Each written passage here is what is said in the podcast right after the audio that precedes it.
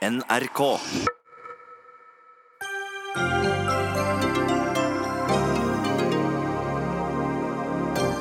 Nytt mannskap i regjeringen, men trakasseringssaker og rykteflom legger en demper på dagen. Jeg er ingen overgriper, sier leder i Venstre og nybakt kulturminister Trine Skei Grande. Og statsminister Erna Solberg angrer ting hun har sagt i Høyres sextrakasseringssaker. Den statsrådsposten det for fire år siden ikke var behov for, er det nå likevel behov for. Nikolai Astrup blir ny utviklingsminister. Og for fire år siden var det logisk å slå sammen innvandring og integrering. I dag er det logisk at integrering legges til Kunnskapsdepartementet. Hvorfor, spør vi Jan Tore Sanner.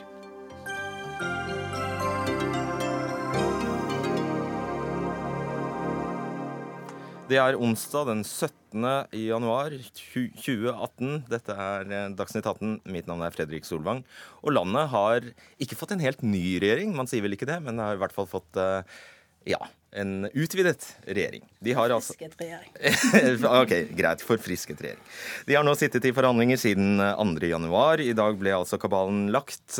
Noen eh, nye ansikter inn og noen ut, men også helt nye statsrådsposter. Norge har f.eks. fått en eldreminister for første gang. Vi har eh, nok en gang fått eh, en egen utviklingsminister, og innvandrings- og integreringsminister er blitt til justis- og innvandringsminister, for å nevne noe. Og helt fersk i, som statsråd er du, Trine Skei Grande, partileder i Venstre, nybakt kulturminister, som bare gratulerer. Tusen takk. Hvorfor eh, vil du Fordi det har gått forlydender om at du nesten kunne velge selv. Hvorfor kultur? Jeg syns jo at de andre partiene har vært rause i å plassere Venstre i de områdene som har vært viktige for oss. Og det er soleklart et klima- og miljødepartementet var viktig for oss. Og det ble også gjort tyngre ved at man flytta Enova over til dem. Og så har høyere utdanning og forskning alltid vært eh, hovedprien til Venstre. Så det å ha noen der. Og der hadde jeg veldig dyktige folk, nemlig Iselin Nybø og Ola Elvestuen. Eh, og da kunne jeg tenke litt friere på, på hvordan, hva jeg tror er viktig både i forhold til det store prosjektet, som handler om integrering, handler om omstilling av Norge, handler om den store inkluderingsdugnaden.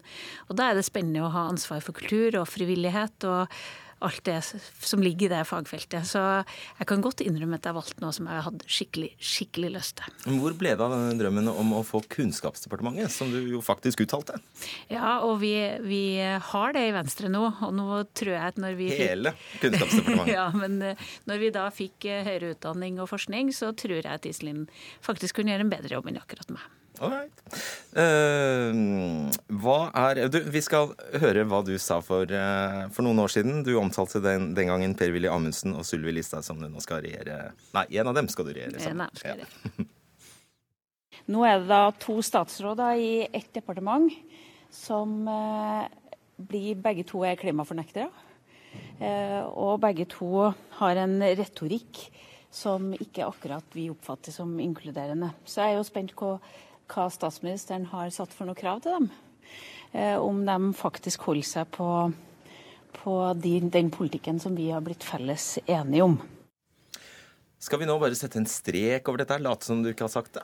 Nei, det skal vi ikke gjøre. Jeg tror jo at eh, den prosessen vi har vært igjennom å lage en regjeringserklæring, som vi nå alle tre står bak, har vært en krevende prosess for alle partier. Og nå har vi en felles plattform som vi skal jobbe ut ifra. Eh, jeg ser også at vi hadde en periode der det var krevende å jobbe med innvandringsfeltet, fordi at vi hadde vært utsatt for den bølgen av, eh, av søknader som vi så i noen år. Eh, kanskje det ikke gjorde det så bra imellom oss partiene heller.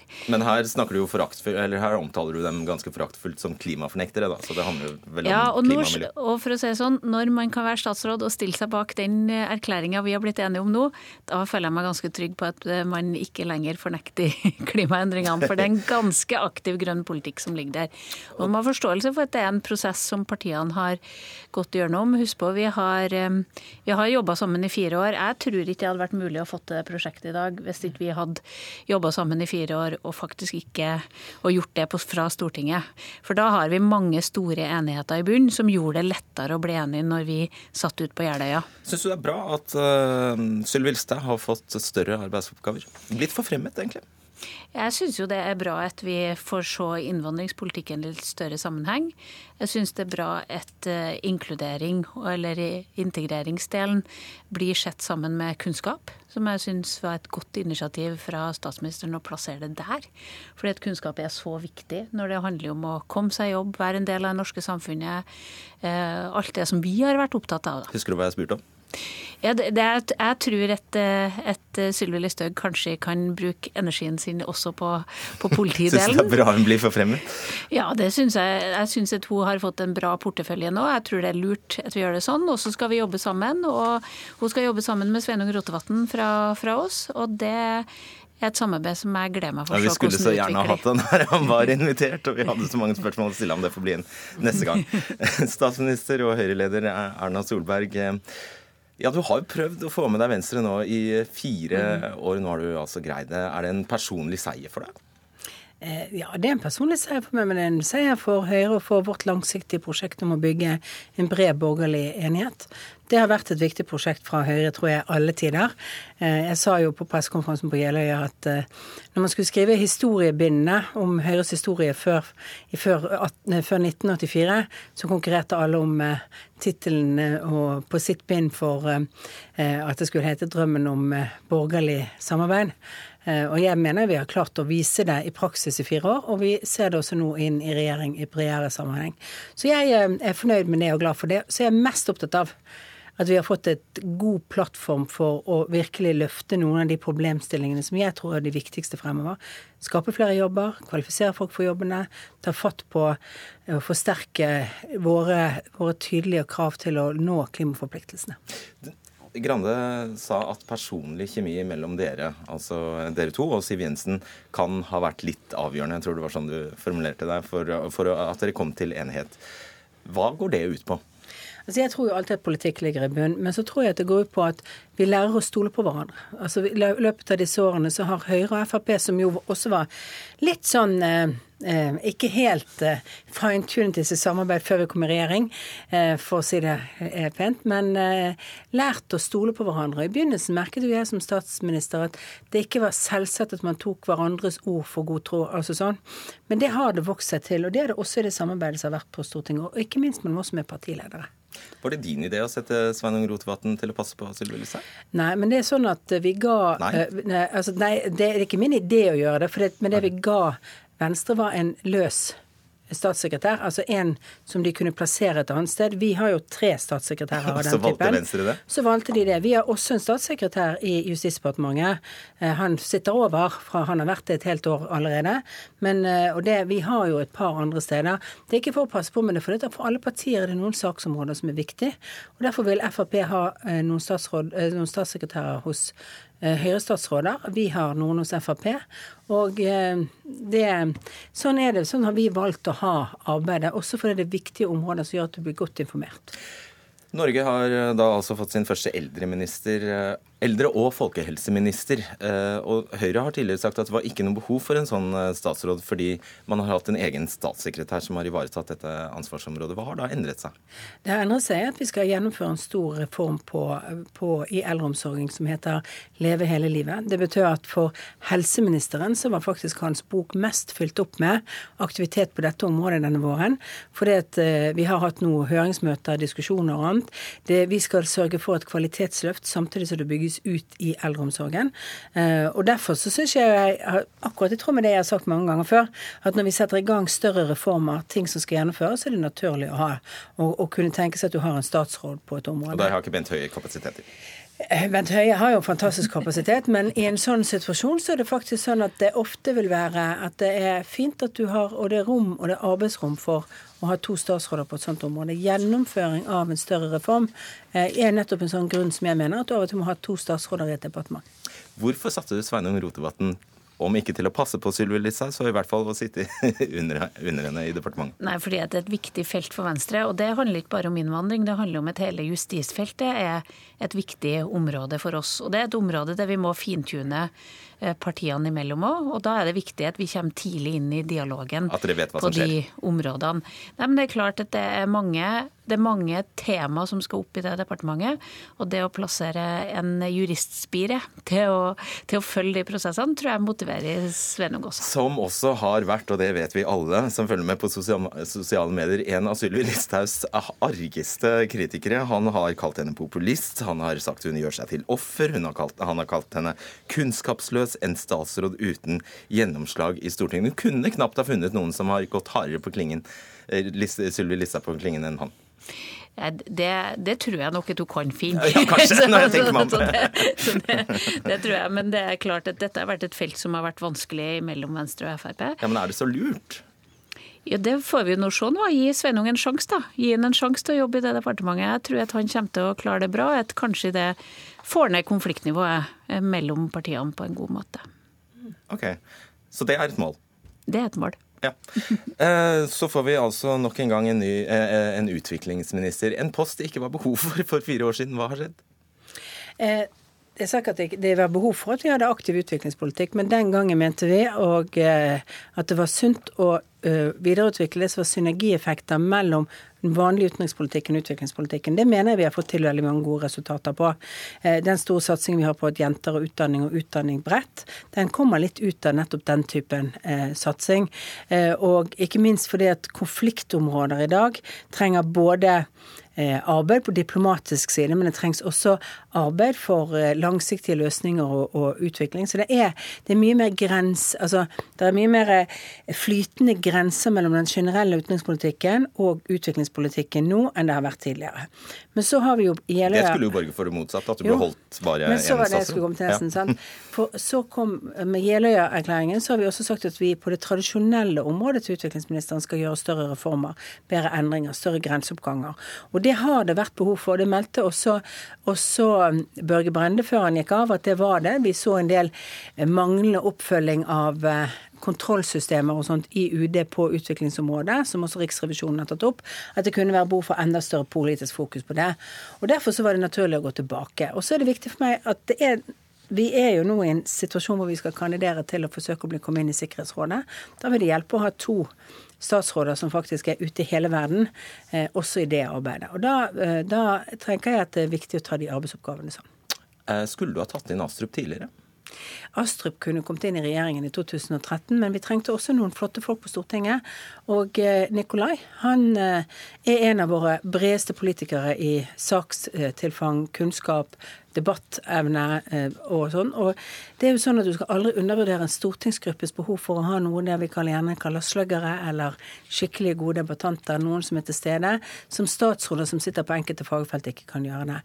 Når vi kom inn i Bondevik eh, Bondevik II-regjeringen, så var det Jan Tore Sanner som ble satt igjen på Stortinget for å jobbe med finanspolitikken, mens alle trodde at han skulle bli statsråd den gangen.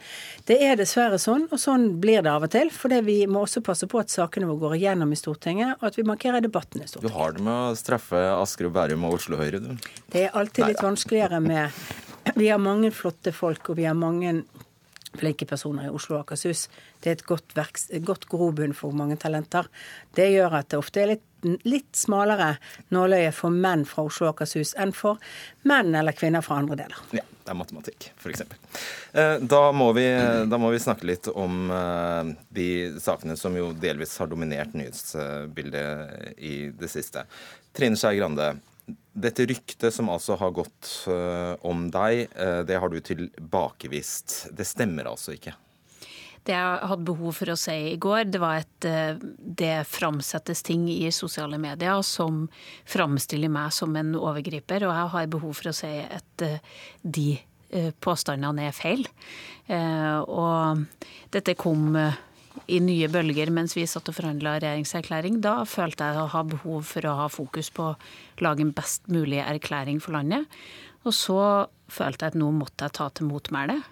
Uh, og i går så benytta jeg sjansen til å gjøre det. Det er ikke det hyggeligste jeg har gjort. Jeg skulle gjerne hatt en annen opptakt til det å gå i regjering enn å ha disse oppslagene. Men det, det, må være noen grenser for hva man kan påstå med folk på sosiale medier uten at jeg skal få muligheten til å ta til orde mot det. Er du sikker på at det er over da du sier du har fortalt statsministeren innholdet i det som faktisk eh, skjedde, men vi andre får altså ikke vite? Um, jeg tror de fleste redaksjonene faktisk vet. Eh, jeg, jeg, jeg merker meg det at eh, det er noen som, eh, også med politiske motivasjoner, som sprer sånne ting. Jeg tror ikke at de slutter, sjøl om jeg har sagt dette her. Er det noen som vil skade deg politisk? Jeg tror nok at det er ganske klart at det også er eh, politisk motivert, mye av dette. Husk på den andre saken jeg hadde mens vi satt i Jeløya-erklæringa, var også å vitne i en sak det med drapstrusler mot meg som enda i 60 dagers fengsel. Det var også en distraksjon jeg gjerne skulle ha vært foruten. Eh, så det er jo noen med politiske eh, agendaer som da står bak ja, f.eks. den trusselen som, som det da enda med en dom. Eh, og av og til så er det en grense for hva man skal tåle å, å bli utsatt for, og jeg må få lov til å si ifra. Ja, Du kaller det ondsinnet? Ja, jeg kaller det ganske ondsinnet. Mm. Erna Solberg, 19.12. sa du at Høyre jobber bevisst med saker hvor folk føler seg utsatt for ubehageligheter. Vi har hatt saker hvor, om ikke-statsråder, så politikere har sendt mange SMS-er til unge politikere. De har så fått beskjed om at det må de slutte med, og om at de ikke lenger har en politisk karriere hos oss. Så 11.1 sa du dette. Dette er jo en veldig lei sak både for Kristian og men ikke minst også for Høyre og Unge Høyre. For det at Høyre, Høyre og Unge Høyre skal være steder hvor unge kan oppleve seg sikkert og trygt, og man kunne delta i å nå sine politiske drømmer om diskusjon og annet. Og da skal vi passe på at det er et godt og inkluderende eh, omgangsform i vårt parti. Vi snakker selvfølgelig om eh, avgått Unge Høyre-leder Kristian Tonning Riise. Er det disse utsagnene du angrer på? Ja, jeg angrer i lys av de eh, i lys, Altså det er dette siste jeg angrer på. Eh, det første kan jeg komme tilbake til, men det, det, det, at på det tidspunktet så var det basert på ikke det bildet vi har i dag, og de varslene vi har fått etter at Kristian gikk av. De varslene ville, var om saker som er betydelig grovere, og bakgrunnen for det som var grunnlaget for at han gikk av som Unge Høyre-leder. For da var det snakk om utilbørlig oppførsel, men det var ikke snakk om det vi har kalt seksuell trakassering eller andre sånne type saker. Men um, Så det du angrer på, angrer er at du inkluderte det. ham i, da du sa det var en leiesak? Jeg angrer på at, at det fokuset ble feil. For sånn som det er i dag, og siden vi har fått eh, de faktiske varslene, så har fokuset vårt vært ett sted. Og det er å sørge for at varslerne skal ha trygghet rundt at det de varsler om, skal tas på alvor, det skal behandles på en ordentlig måte. At vi skal lære av det at vi ikke fulgte opp varsler godt nok fra 2014, og at vi håndterer disse sakene på en helt annen måte, med første hovedblikk på hva de trenger av hjelp, som har opplevd eh, situasjoner som de aldri skulle opplevd i en politisk ungdomsorganisasjon. Og nå gir vi dem både mulighet og hjelp til psykologstøtte, vi gir dem hjelp til juridiske eh, hjelp for å få vurdert saken. Og så jobber jo vi videre med å komme til bunns helt i alle sakene, og å sikre oss eh, altså at vi lager et system for at dette ikke skjer igjen, og at hvis noe skulle skje, at det håndteres på en helt annen måte. Og du har sagt, du har blitt sitert på at du skulle ha blitt varslet. Av hvem skulle du ha blitt varslet? Altså, jeg skulle blitt varslet tidligere om samtalene med Christian. Ja, for de hadde jo pågått ja. hele høsten. Ja, det, akkurat tidsgrensen er nok litt mer begrenset til før jul og i begynnelsen av januar. Okay. når man går inn. Så får vi lage alle disse tidsrammene våre på en ordentlig måte. og komme tilbake til alle detaljene. Vi tar et hovedfokus nå på de jentene som har vært utsatt for ting som de ikke skulle vært utsatt for. Men hvem skulle varslet deg? Hvem altså, visste mener, dette som ikke gikk videre til deg? Nei, altså De samtalene burde vi visst om, eh, kanskje på på et, tidligere tidspunkt. Men ellers så Det som er hovedgrepet, de varslene som kom inn, der, der er det sånn at det at det ikke er skriftliggjort, det at det er, eh, de varslene ikke har blitt behandlet på en måte som gjør at du kan gå inn og se hvem ga beskjed til hvem etter dette, hvordan ble dette fulgt opp på en ordentlig måte, det gjør jo at vi aldri helt kommer til bunns med hvem ble informert. Ja, Kan du leve med det? Altså Her er vi i en situasjon der det er ord mot ord mellom en tidligere generalsekretær i Unge Høyre og Høyre? Og når det ikke er skriftliggjort, så er det vanskelig å være sikker på det. Den ene sier han har sagt, den andre sier at han har aldri hørt. Og det, det, er en situasjon som er vanskelig å gjøre noe annet med. Det vi må sikre, er jo at vi nå tar alt dette på alvor. Og at vi sørger for at vi får en helt annen måte å behandle disse sakene på i fremtiden. Som gjør at vi både har skriftlige logger på det som skjer, som gjør at uh, man varsler utenom uh, ledelsen på en måte i Unge Høyre eller som har tatt andre til. Og så, er, så, skal vi summere opp alt når vi er ferdig. Akkurat nå har hovedfokuset vårt vært nettopp på å få oversikt over, behandle de som har opplevd ting de ikke skulle ha opplevd. Helt eh, på en måte som gjør at dette ikke blir en ekstra belastning. For vi vet jo at i sånne saker så blir dette også fort en ekstra belastning. Kort kommentar. Du sa vi kan komme tilbake til det første eh, sitatet, fordi det får deg til å rett og slett Der har du sagt uriktige ting. Nei, men jeg, har sagt veldig mye mer på den pressekonferansen. Jeg har også sagt i forbindelse med den pressekonferansen at vi kan ikke utelukke at det finnes saker vi ikke kjenner noe til. Vi har referat fra pressekonferansen. Og på det tidspunktet, det har jeg sagt i alle de intervjuene jeg ga både i november og desember om metoo, så har jeg alltid vært ydmyk for én ting. At vi vet ikke alltid. For vi vet når diskusjoner kommer opp, at det er folk som ikke har turt å gi beskjed. Folk som har sittet på opplevelser. Det gjelder alle organisasjoner. Det gjelder også Høyre. Og vi ser nå at eh, det jeg tok forbehold om, var ganske riktig at jeg tok forbehold om. Men det folk fikk med seg, var at du sa at uh, vi har fått beskjed om uh, ja. noen saker, og de har ikke lenger en karriere hos oss. Det var jo det ja, folk de, fikk med seg. Og de sakene er helt riktige. Og det har kanskje også vært litt av den soveputen vi har hatt. For det, at, for det vi både i Unge Høyre og Høyre har håndtert noen sånne saker, så har vi kanskje trodd at det betød at systemet vårt fungerte. Og så har det vist at det fungerte ikke godt nok når det dreide seg om en fremtredende person. Og det har både jeg Unge Høyre og, og generalsekretæren vår beklaget. Sånn skulle det ikke vært. Siste spørsmål til deg, Trine Skei Grande. Er det mulig å beskrive nøyaktig hvor distraherende det, eh, altså Du har hatt din sak å bale med, det, du har hatt din, din sak å bale med. Hvor distraherende disse sakene har vært midt oppi forhandlingene? Jo, det er alltid tøft å stå i sånne ting, men vi skulle jo gjøre en jobb. Det føltes veldig alvorlig å sitte og forhandle en regjeringserklæring. Det er noe helt annet enn når du lager politiske program eller uttalelser eller noe sånt. Så det å ha fokus på at du faktisk skal gjøre en jobb, sjøl om du presses og sjøl om det er ubehagelig, det, det må vi bare klare. Det, det, var en god test. En god stresstest på jobben vi skal gjøre framover. Om ikke annet. Takk skal dere ha, Trine Skei Grande og Erna Solberg. Da skal eh, vi snakke med politisk kommentator eh, Lars eh, Nehru Sand. For det er altså slik at Kristian Tonning Riise og rykteflommen rundt Trine Skei Grande skal nå gås etter i sømmene. Det er slik at Riise trakk seg forrige uke først frivillig, og mente da at det ikke hadde kommet noen varsler mot han, eller det sa han. Så viste det seg å være feil. Allerede fra 2013 har han uh, fått flere varsler mot seg, og i tillegg har, det altså, uh, har altså den siste uka vært preget av disse ryktene rundt uh, Grande. Lars, først til Riise. Nå innrømmer Solberg at håndteringen av saken har vært en svikt, eller har vært en svikt i håndteringen av saken. Kom det ellers fram noe nytt under denne pressekonferansen i dag?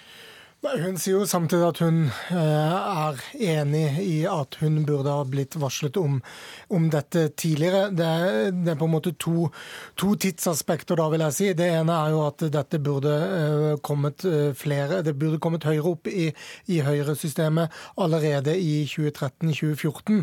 Uh, så det er liksom den ene svikten, og det er den groveste svikten. Og det er en håndtering tilbake da som, som står til stryk fra Høyres organisasjon organisasjon og Unge Høyre. Eh, men den andre tidslinjen er jo at generalsekretæren i Høyre og i Unge Høyre snakket sammen i november, det er det Solberg refererer til som før jul, og at det da gikk helt frem til hun var på sin eh, USA-tur før hun fikk høre om dette.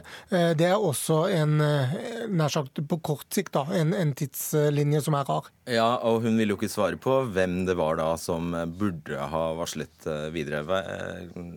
Kan, det, kan, kan, du gi et forslag? Jeg syns det eh, vil være naturlig at eh, det generalsekretæren eh, behandler i, eh, av alvorlige personalsaker, eh, er noe som partilederen ikke er nødvendigvis inne i behandlingen av, men i hvert fall er orientert om at finner sted. Og Det er jo litt det samme som også har skjedd når generalsekretæren i Unge Høyre sier at hun allerede i vårhalvåret 2017 var involvert i, disse, i samtaler med Riise, uten at hun gikk videre til til Høyres generalsekretær. Eh, og Det er åpenbart at disse retningslinjene er nå eh, gjort justeringer av, og, man prøver å sette opp en mal eller standard eller lære av dette. Eh, men, men hovedinntrykket utad er at dette har ikke Høyre hatt systemer for å håndtere godt nok. Og når det skjedde, så ble det i hvert fall ikke håndtert på en tilstrekkelig måte. Og det er kritikkverdig av en organisasjon som Unge Høyre, som ungdoms Fremskrittsparti og Høyre som, som en hovedorganisasjon i, i, dette. Så hvem tror du Erna Solberg skylder på når hun altså blir satt delvis i forlegenhet med disse gamle Eller de er jo ikke gamle engang, men disse sitatene fra noen uker siden? Det må være apparatet hennes eh, og rundt henne, og så får hun selv eh, på en måte bli stilt i spørsmålene, tror jeg. Mm.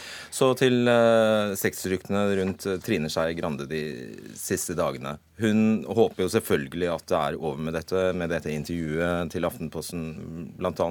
Er det sannsynlig?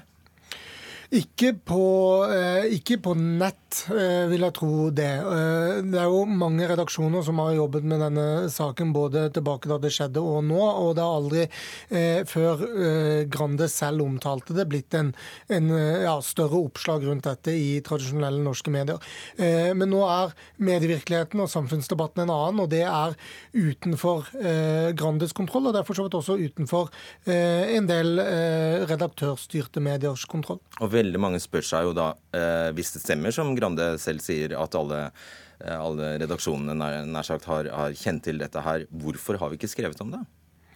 Det er jo fordi man eh, etter presseetikken mener at det ikke er en, en, sak. og Det er en uh, redaksjonell vurdering som, som, er opp til enhver redaktør å, å gjøre før man, uh, før man, publiserer eller ikke publiserer. og Der har de fleste redaktørstyrte mediene da vært, vært samstemte. Og, og Derfor er det også Eh, sånn som jeg forstår det, er viktig for Aftenposten å, begrunne hvorfor de skriver om, eh, om det de ja. selv omtaler som rykter, men uten å gå dypere inn i hendelsesforløpet og uten å ha et eh, fullverdig tilsvar fra, fra en annen part enn Grande i saken. Ikke sant. Men så er det jo sånn at hun da må orientere statsminister Solberg om denne hendelsen før hun blir statsråd. Hva skal vi legge i det? Ja, det, ville vært, eh, Hun ville gjort problemene større for seg selv hvis hun ikke gjorde det. Og, og, dette var en åpenbar sak som var kjent for såpass mange at det ville vært umulig for henne å ikke fortelle statsministeren om det. Og nå har hun i hvert fall statsministerens vurdering på at per nå ikke er til hinder for at hun kan være statsråd. Og det eh, er jo det hun selv sier og, og, krever å bli trodd på, og det er det statsministeren forholder seg til. Og skulle det komme ytterligere opplysninger i denne saken, så blir det et problem både for Grande, men også for Solberg. Ja, ikke sant. Takk skal du ha i foreløpig, Lars Nehru Sand. Dagsnytt 18 alle hverdager kl 18.00 på NRK P2 og NRK2.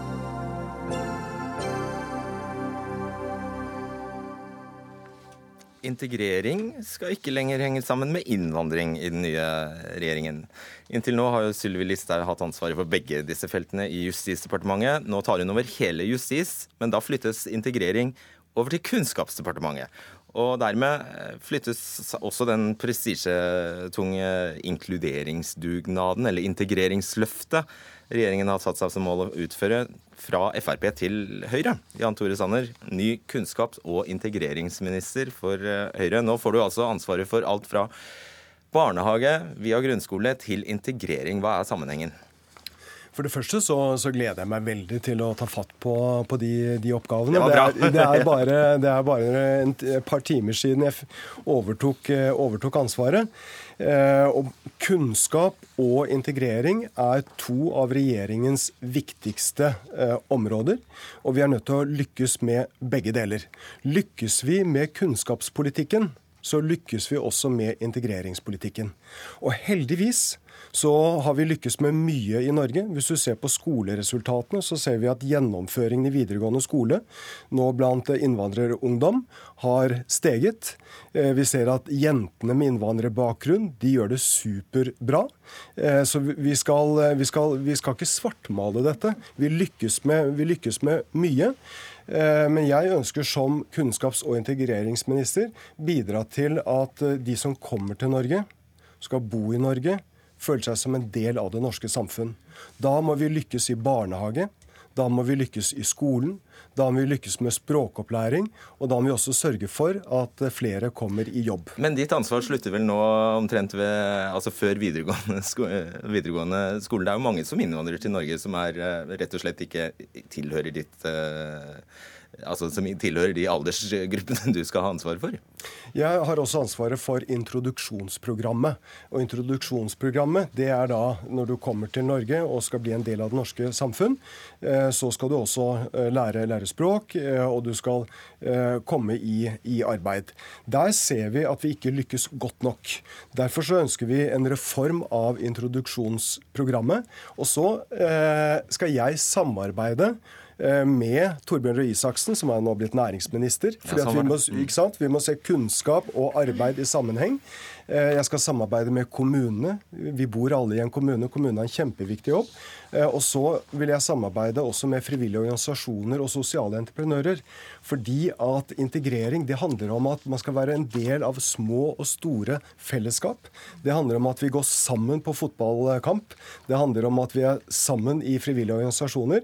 Og derfor skal vi ha en dugnad. Derfor skal vi mobilisere for å lykkes med integreringen. Det er en av de største utfordringene vi har. Jeg synes du har lært mye på kort tid. ja, dette har jeg jobbet med, og jeg syns det er kjempespennende. Ja, det er bra. Karin Andersen, stortingsrepresentant eh, fra SV, leder for kommunal- og forvaltningskomiteen. Det skal sies at integreringsfeltet har vært en kasteball. Vi har i hvert fall eh, klart å regne oss fram til at det har vært innom Barne- og likestillingsdepartementet, Kommunal- og, og Arbeids- og sosialdepartementet bare de siste eh, årene. Er det en god idé å legge det til kunnskap? Der har det vel kanskje aldri vært før? Nei, Jeg var veldig overraska. Jeg var ganske sikker på at Jan Tore Sanner skulle få det i Kommunaldepartementet. Eh, jeg mener nok det hadde vært det beste, at det hadde hørt hjemme der. Fordi det er kommunene som har hovedansvaret for integreringa. Men eh, det jeg hører nå, er jo en minister som har en mye mer positiv innfall til eh, integreringen enn eh, Sylvi Listhaug har hatt, og det er jeg veldig glad for. Det skal kanskje ikke så veldig mye til. Og så kan jeg trøste ministeren også for at han har et ansvar for ett område til som er veldig viktig for dette, og det er voksenopplæringa. Det kommer til å være veldig, veldig viktig framover. Og de samarbeider jo veldig tett med introduksjonsjobben i kommunene. Og det jeg vil utfordre ministeren på, det er, det er, mye bra som står i denne plattformen, og mye av det er vedtatt allerede i Stortinget. Eh, så det er jo det er ikke hver dag det kommer fra nei, den Nei, men det er fint hvis de da kan gjøre det. Og, og, men det er jo en, en, del ting som må gjøres, og som jeg håper nå at kunns, kunnskaps- og integreringsministeren, jeg må øve meg på det, eh, kommer til å gjøre, og som vi ønsker å utfordre på. Men bare fortell, mm. forklar kort hvorfor det hadde vært mer logisk at det lå i, for, ja, ble lagt i kommunale? Fordi kommunene har ansvaret for introduksjonsordningen og for å bosette flyktninger. Og det er helt riktig at kompetanse kommer til å bli kjempeviktig framover. Så omlegging av introduksjonsordningen har vi foreslått i flere år. Det er helt nødvendig. Vi har foreslått mer språkopplæring. Vi har foreslått større satsing på flere av de tiltakene som fører til reell kompetanse. Blant annet har vi foreslått at du må få lov til å fullføre og få formell kompetanse når du gjennomfører introduksjonsordningen, sånn at du har et papir å vise for deg som arbeidsgiverne faktisk anerkjenner, for nå går mange på kurs som ikke betyr noen ting. Poenget mitt med det forrige spørsmålet var jo egentlig at det er mange av disse her som ikke skal gjennom noe langt skoleløp, som heller bare skal rette jobb eller eh, sånt noe. Det er, det er, helt riktig. Eh, og Derfor så, så, handler jo også god integreringspolitikk om at man kommer i arbeid. En viktig forutsetning for det, det er jo at man lærer språk. Så tror ikke jeg at, eh, at, eh, at, det, at, det, er bra for alle å sitte på skolebenken og lære seg norsk. Det kan du også gjøre gjennom arbeid. Nettopp derfor så er også det å lære hele livet, den kompetansereformen som vi også skal gjennomføre, en viktig del av, av integreringspolitikken politikken. Eh, skal vi lykkes med god integrering, så er det ikke ett svar. Det er mange svar. Eh, men kunnskap er en av de aller viktigste nøklene. Eh, både språkopplæring, barnehage, skole, men også den, den, kompetansehevingen man kan få i jobb. Og Jeg mener at vi må bli mye flinkere også til å åpne for innvandrergrupper i arbeid uten at man snakker perfekt norsk. Men det må da være et program for at man utvikler bedre språkkompetanse eh, gjennom, gjennom arbeidssituasjonen. Ja, og, og, en av de tingene vi nå gjør i, i Jeløya-erklæringen, er jo nettopp at vi peker på at kommunene også må ha kompetanseprogrammer eh, for de som da får jobb, men som ikke kan godt nok norsk, men som kan lære det gjennom arbeidssituasjonen. Hvis jeg kan ta to eksempler, da. Fordi vi har eh, foreslått at eh, flere skal kombinere eh,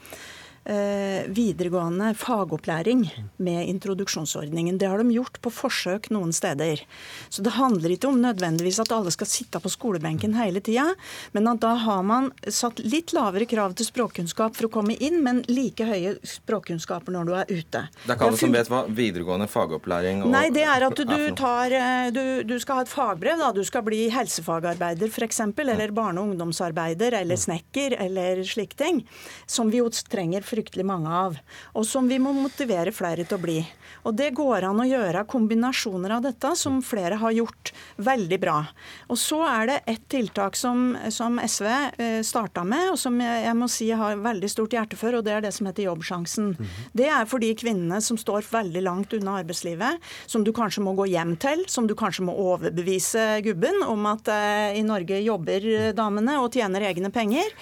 Der har regjeringa altså første har de eh, tatt vekk nå at mange av de damene som står så langt unna eh, arbeidslivet at de til og med får sosialhjelp, de får ikke lov til å være med lenger. Og i fjor klarte man altså ikke å bruke opp penger på dette. Hva er det du sier? Så alle sier er så viktig. Rett før jul så sendte vi altså tilbake igjen nesten fem millioner kroner på et tiltak som alle sier og akker seg over nei, disse damene jobber ikke nok, og det er så fælt.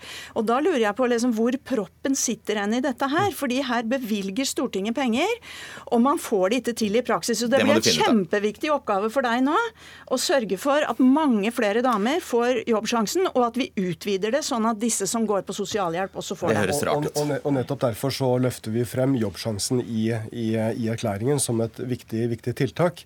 Eh, og så kan vi må vi finne ut hvor den proppen sitter. Det er jeg helt enig i. Eh, men det viktige i det Karin Andersen nå trekker frem, det er at vi må ha forsøk. Eh, vi, vi, må lære av hverandre. For det er faktisk en, en, realitet, og det skal vi glede oss over, at mange lykkes. Eh, og da må vi prøve ut ulike tiltak for at man kommer i jobb. Og særlig innvandrerkvinner må vi sørge for kommer i, i, i arbeid. Eh, lærer seg språk og blir en del av det norske, norske samfunn. Da er det også en ting som er veldig trist nå. og Det er at noen av de beste mottakene som har jobba på, på, integrering og har de beste resultatene, sånn som Sunndal og et her i Oslo, de er lagt ned nå. Og De har jo jobba i 25 år og gjort det kjempebra, men fordi de ikke lå i en by sånn i Sunndal, så var de liksom for små. Det er ingen som kan vise sånne resultater som dem på de som fullfører skole, vi, og for de som kommer i arbeid. Vi, det, og det er veldig ja, trist, for dette er viktig kompetanse og det er viktig arbeid som bør anerkjennes av regjeringa. Her har du mye å lære. Vi får, vi får, god mulighet Karin Andersen, til å diskutere alle de detaljene. Jeg er opptatt av å se de som lykkes, og så skal vi lære av, av dem. Eh, vi har eh, fått til mye på integreringsområdet, men det gjenstår mye. Ja, Apropos det. Hvordan vil du karakterisere eller betegne din forgjengers innsats på dette området? Du, eh, Vi er én regjering, eh, og alle statsrådene står bak, eh, bak politikken og de tiltakene som, som Ikke det jeg spurte om. Hvordan syns du Sylvi Listhaug gjorde jobben sin? Jeg mener at hun gjorde jobben bra. Ellers så ville hun heller ikke fått, uh, blitt, fått uh, blitt reoppnevnt som statsråd eller utnevnt som statsråd igjen av statsministeren. Uh, Sylvi Listhaug har gjort en god jobb. Eh, og jeg gleder meg nå til å se sammenhengen mellom kunnskapspolitikken, integreringspolitikken, samarbeidet med næringsministeren for at vi også skal lykkes med at folk kommer i jobb. Jeg har i hvert fall den tru at eh, det blir litt bedre nå. Jeg, den rosen syns jeg skal gi Sanner. Og vi skal samarbeide veldig, for vi har veldig mange gode forslag som jeg håper at Høyre nå vil se på, som de har stemt ned før. Det er bare å ønske lykke til. Takk skal dere ha.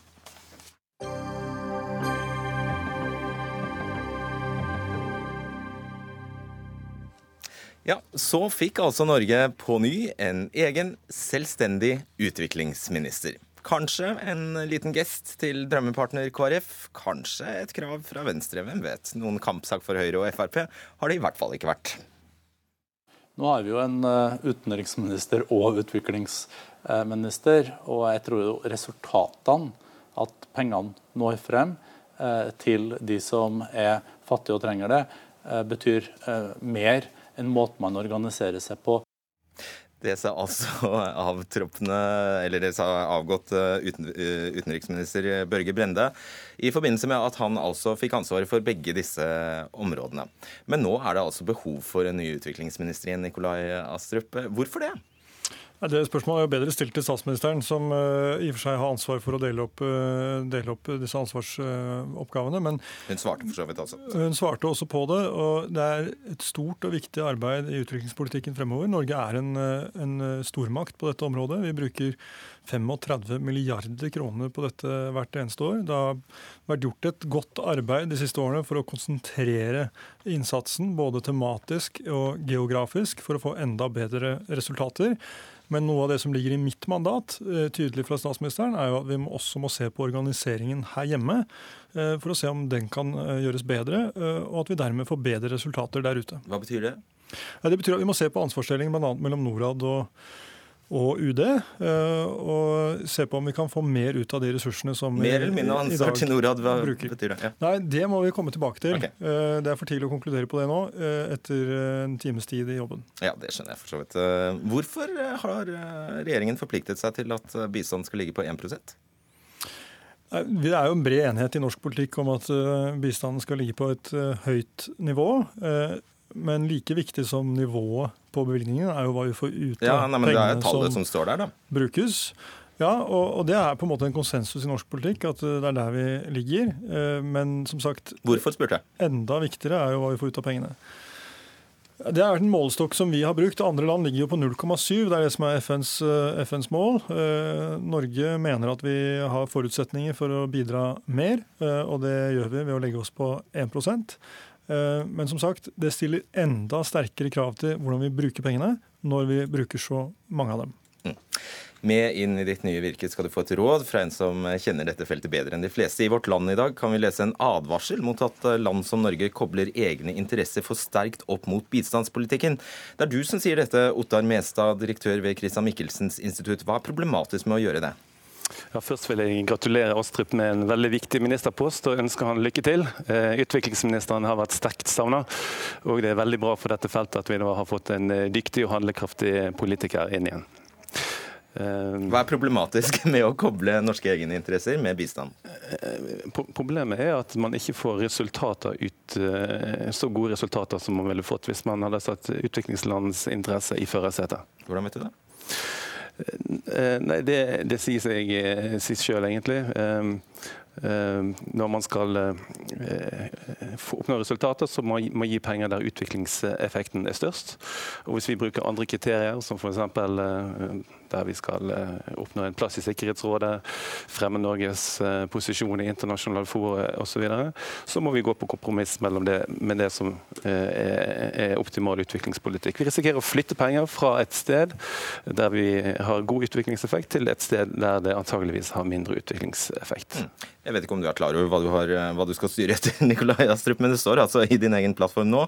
Partiene vil bruke Norges posisjon bl.a. som bidragsyter til å sikre flere returavtaler. Et, et eksempel på det Mestad sier. Mm. Jeg, jeg, vil jo si at eh, jeg er uenig med Mestad. fordi eh, Hvis du ser på hovedinnsatsen eh, på norsk bistand, så er den innrettet mot områder som i all hovedsak først og fremst kommer befolkningen i utviklingslandene til gode. Enten det er utdanning for kvinner, helse, satsing på næringsutvikling, fornybar energi, klima, miljø osv. Så, videre. så jeg er uenig i premisset. Dernest nummer to så er det ikke slik at vi gir eh, budsjettstøtte direkte til land som setter oss i en posisjon til å på en måte trekke tilbake støtte til et land. Det eneste landet som får budsjettstøtte, meg bekjent, er Palestina. De øvrige får eh, støtte direkte til samarbeidspartnere, organisasjoner, prosjekter på bakken.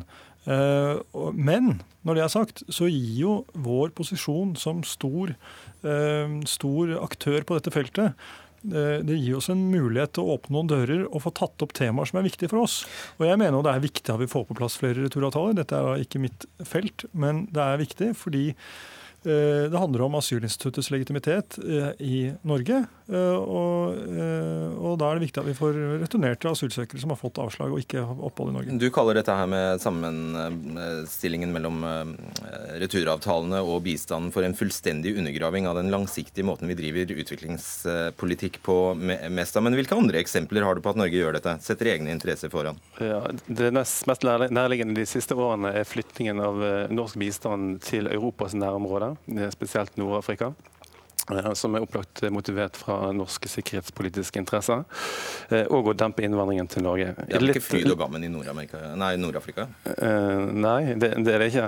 Men poenget er at, her, man, poenget er at man gjør dette her for å, å fremme norsk sikkerhetspolitiske interesser, og ikke å sette, sette fattigdomsbekjempelse i førersetet. Det, det, blir litt som en flerpartiregjering.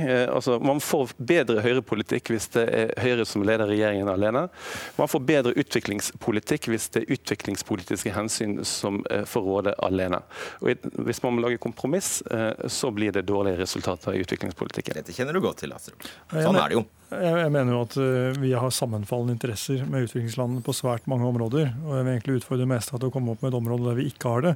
Altså det å bekjempe krig og konflikt, det å sørge for å bekjempe ekstrem fattigdom, eh, gi kvinner utdanning, eh, sørge for sterkere satsing på helse i fattige land, det er først og fremst i de landenes og befolkningen deres egeninteresse. Men det er også viktig for verden og viktig for Norge.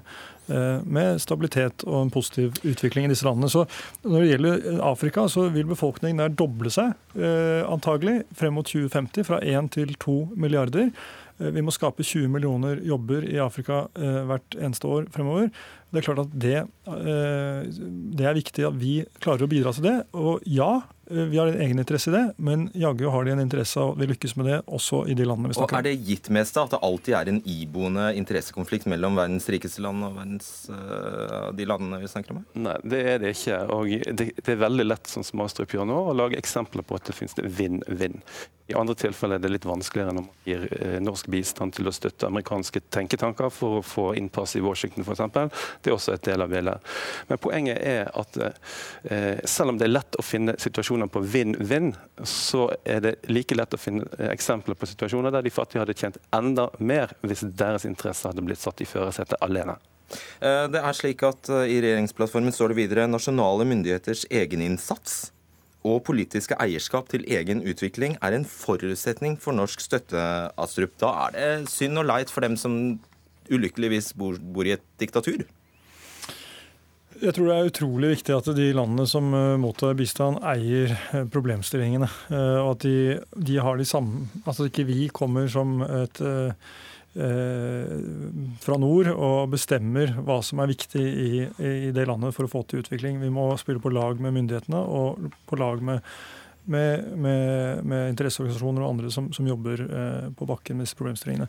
Så er det eh, Ja, det er sånn at veldig mange utviklingsland eh, har, eh, er i en situasjon der menneskerettighetene står svakt, der demokratiet står svakt, eh, rettsstaten er svak. Der, derfor er det jo en, en, en, jobb for Norge å bidra til at eh, vi klarer å bygge kapasitet, bygge demokratiforståelse og prioritere menneskerettigheter. Hva syns du om denne setningen, Mestad?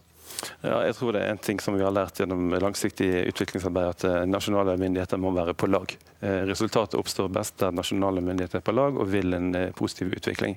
Det har vært problemer i, i mange land der man har jobbet tidligere, at det ikke har vært tilfellet, og en, en viktig årsak til at det ikke har gått, fått gode nok resultater. Ok, Da setter vi strek der. Lykke til. Takk skal dere ha, Nikolai Astrup og Ottar Mæsson. Hør Dagsnytt 18 når du vil. Radio NRK Radio.nrk.no.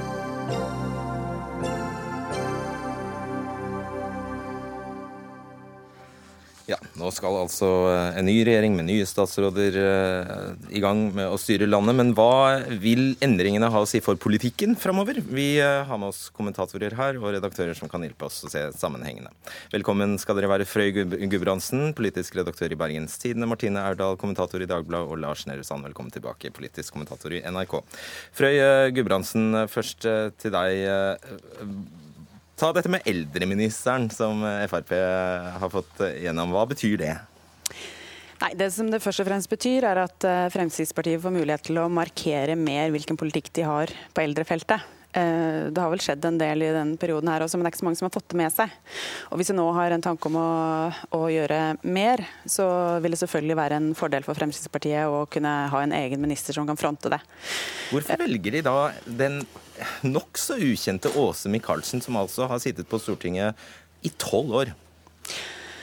Nei. Eh, man jo, må jo bare anta at det var den best kvalifiserte personen de hadde. Eh, og at eh, de ønsker å løfte frem eh, andre. Er ikke det, nei, nå holdt jeg på å si, er ikke det litt trist, men det skal jeg ikke si. nei. Nei, men altså, det er jo, uh, Fremskrittspartiet har jo hatt uh, relativt ukjente personer som har kommet inn som statsråder før, som, som um, Solveig Horne f.eks., som har, har, faktisk uh, levert mye bedre enn det mange venta. Det er sant. Martine Aurdal, kommentator i Dagbladet. Da ble det altså kultur, miljø og, eller klima da, og forskning på Venstre. Smart? Ja, altså, øh, Nå har jo ikke jeg vært på innsiden av de forhandlingene, men det er jo tre øh, såkalt lette departementer med ganske små øh, budsjetter. og det er kanskje det de måtte ta for å få tre statsråder og ikke to. Det er en gjetting fra min side, men det vil jeg anta. Samtidig så er det tre områder hvor Venstre har lyst til å profilere seg, og som er områder hvor de kan gjøre en positiv forskjell. Særlig. Trine Skei Grande som kulturminister tror jeg vil være et løft for kulturlivet i Norge.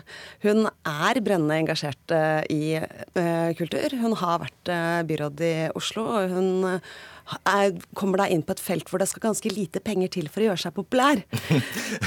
Men er det velgere, stemmer velgere etter kulturpolitikk? En del av Venstres kjernevelgere gjør det, eller er, er, også opptatt av kultur. Men det er klart kultur kommer ganske langt ned på lista over hvilke saker som avgjør velgeres eh, partivalg. Det gjør det definitivt. Mm. Lars Nehru Sand, hva er det mest overraskende Erna Solberg gjør?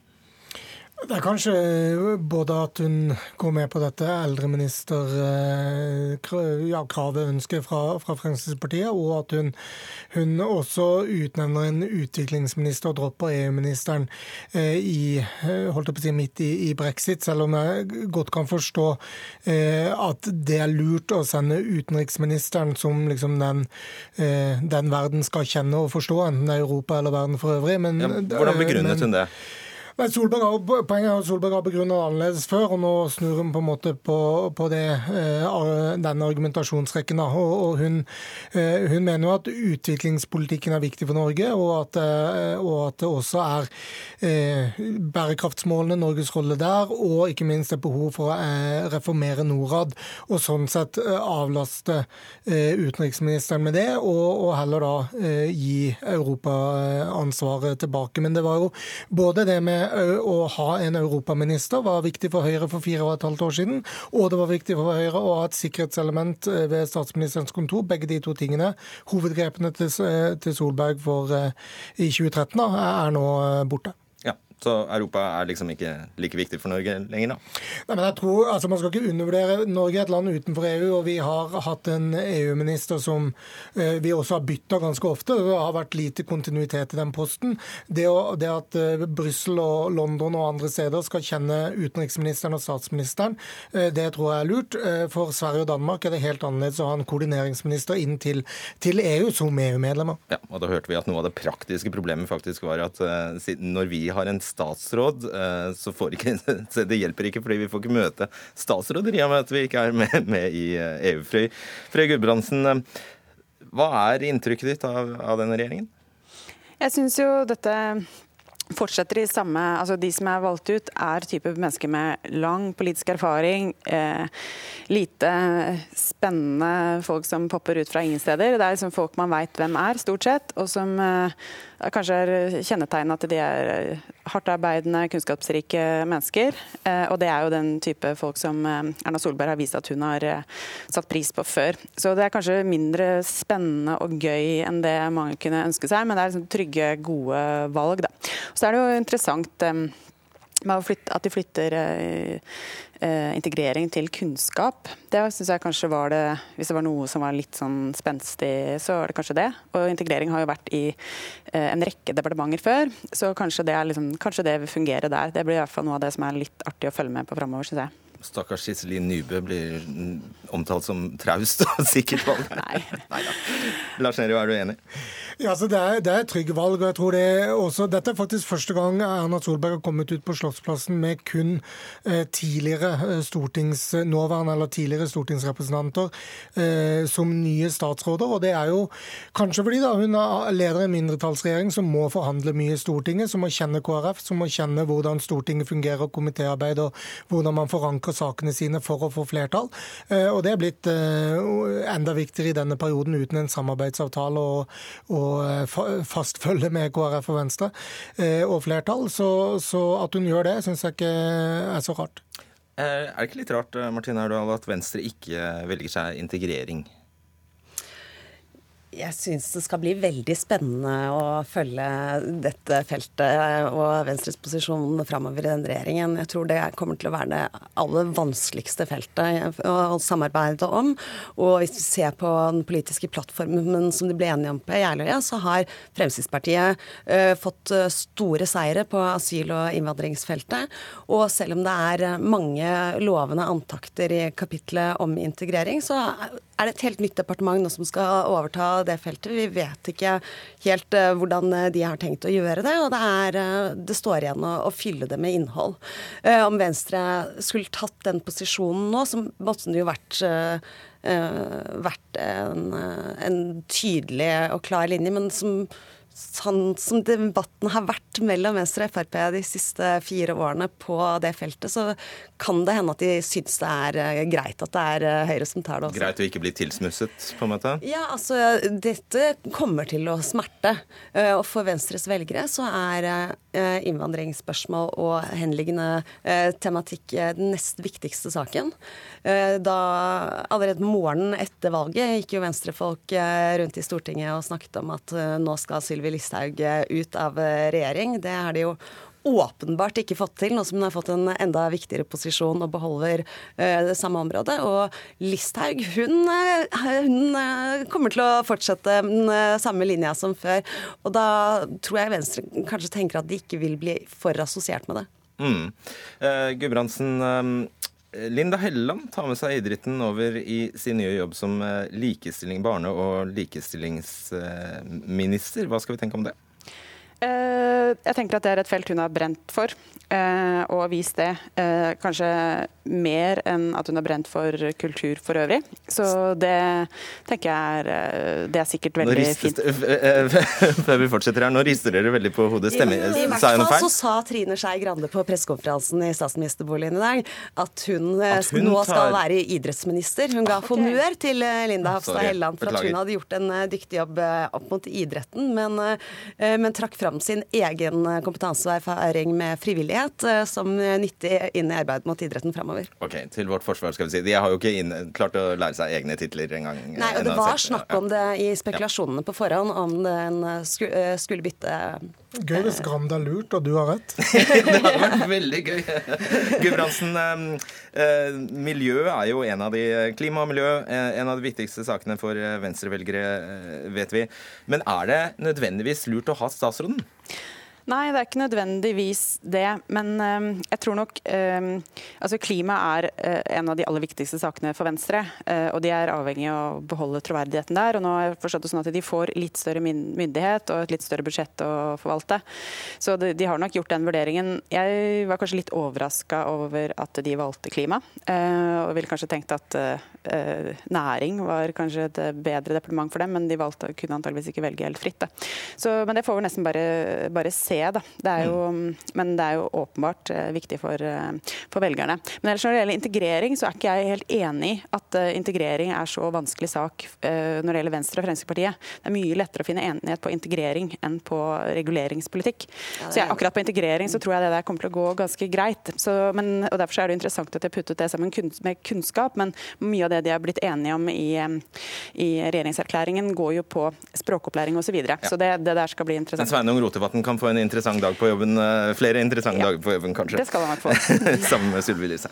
Bare eh, ta med én setning, og det er det alt vi rekker også, Lars Nehru om eh, Trond Giske skal altså ut av sentralstyret i Arbeiderpartiet. Men det følger kanskje bare av at han går av?